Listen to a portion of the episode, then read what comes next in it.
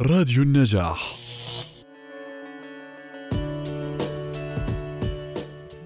طبعا في طرق للوقاية من هذا المرض. أول شيء بنحكي عن التربية السليمة والتنشئة السليمة بظروف جيدة.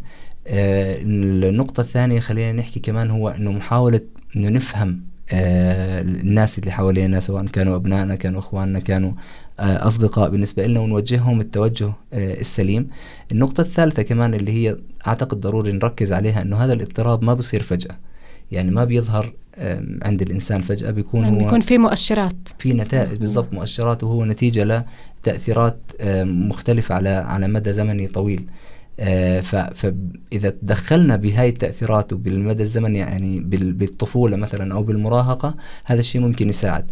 واحدة من الأشياء اللي ممكن تتحول لاضطراب ثنائي القطب هي اللي بسموه فرط النشاط اللي بيكون عند الأطفال فرط النشاط ونقص الانتباه. هاي واحدة من الأشياء اللي ممكن تسبب خلينا نحكي يعني نتيجتها أو البروجنوسيس تبعتها لاحقا بتكون على شكل اضطراب ثنائي القطب. فإذا تعالج هذا الشيء بمرحلة الطفولة وكان في تفهم من الأهل. لهذا الطفل بالعكس يعني ممكن يتحسن وممكن آه إنه ما يوصل لمرحلة اضطراب ثنائي القطب.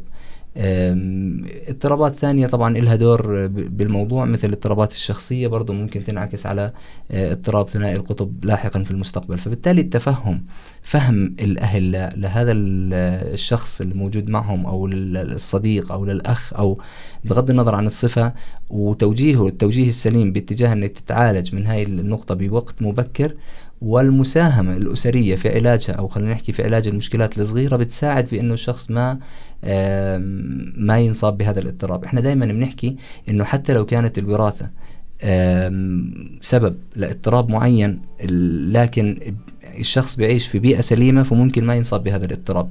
فبالتالي دائما الأمور بإيدنا وإحنا آه، مخيرين ولسنا مسيرين في هذا الاتجاه. صح. فبالتالي في عندنا فرصة لأنه الشخص ما ينصاب بهذا الاضطراب وحتى لو أصيب بهذا الاضطراب فهي مش كارثة كبيرة. نتفهم الموضوع أكثر.